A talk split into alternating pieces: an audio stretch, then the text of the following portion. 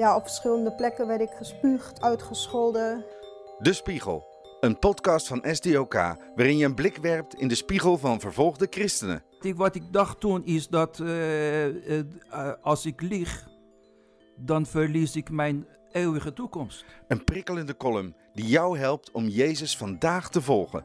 En uh, zelfs toen ik werd geslagen, had ik echt zo'n vreugde van binnen van... dit is het, ze mogen me alles afnemen, maar dit kunnen ze me niet meer afnemen. Met Richard Groeneboom. Heb jij dat ook wel eens? Dat je een drempeltje over moet om vrijmoedig te vertellen over wie de Heere God voor je is. Dan wil ik je nu een verhaal vertellen dat je misschien helpt om voorgoed over die drempel heen te komen. Een tijdje geleden sprak ik met Dina, een Egyptische vrouw die in Nederland woont. Acht jaar geleden vluchtte ze naar Nederland nadat ze van moslim christen was geworden. Nou, als je dat doet in een moslimland als Egypte, dan haal je heel wat op de hals. Voor Dina was het niet veilig meer om langer in Egypte te blijven.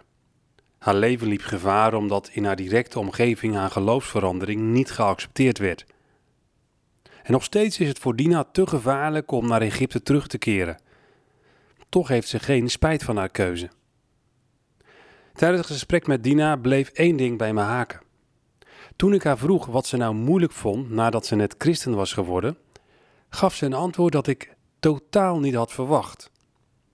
Ze zei namelijk dat ze teleurgesteld was in christenen. Hoewel Egypte een islamitisch land is, wonen er miljoenen christenen. Waarom hadden die haar nog nooit eerder verteld over de Heer Jezus? Waarom was ze pas 25 jaar toen ze dit geweldige nieuws voor het eerst hoorde? Dina snapte het gewoon niet.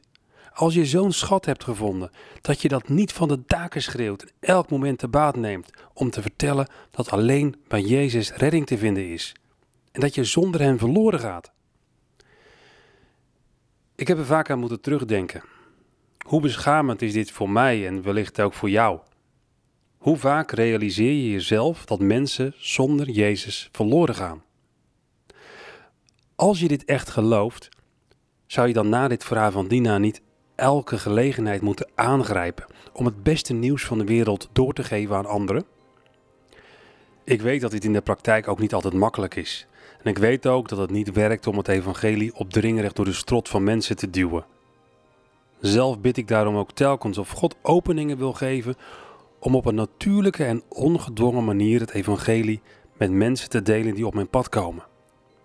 Ik hoop dat dit verhaal van Dina je inspireert om dit ook te doen en je de drempel overhelpt om het beste nieuws dat je te vertellen hebt met anderen te delen.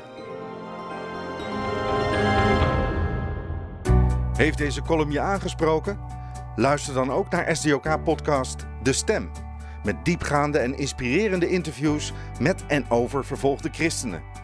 Kijk in je podcast-app of ga naar sdok.nl/podcast.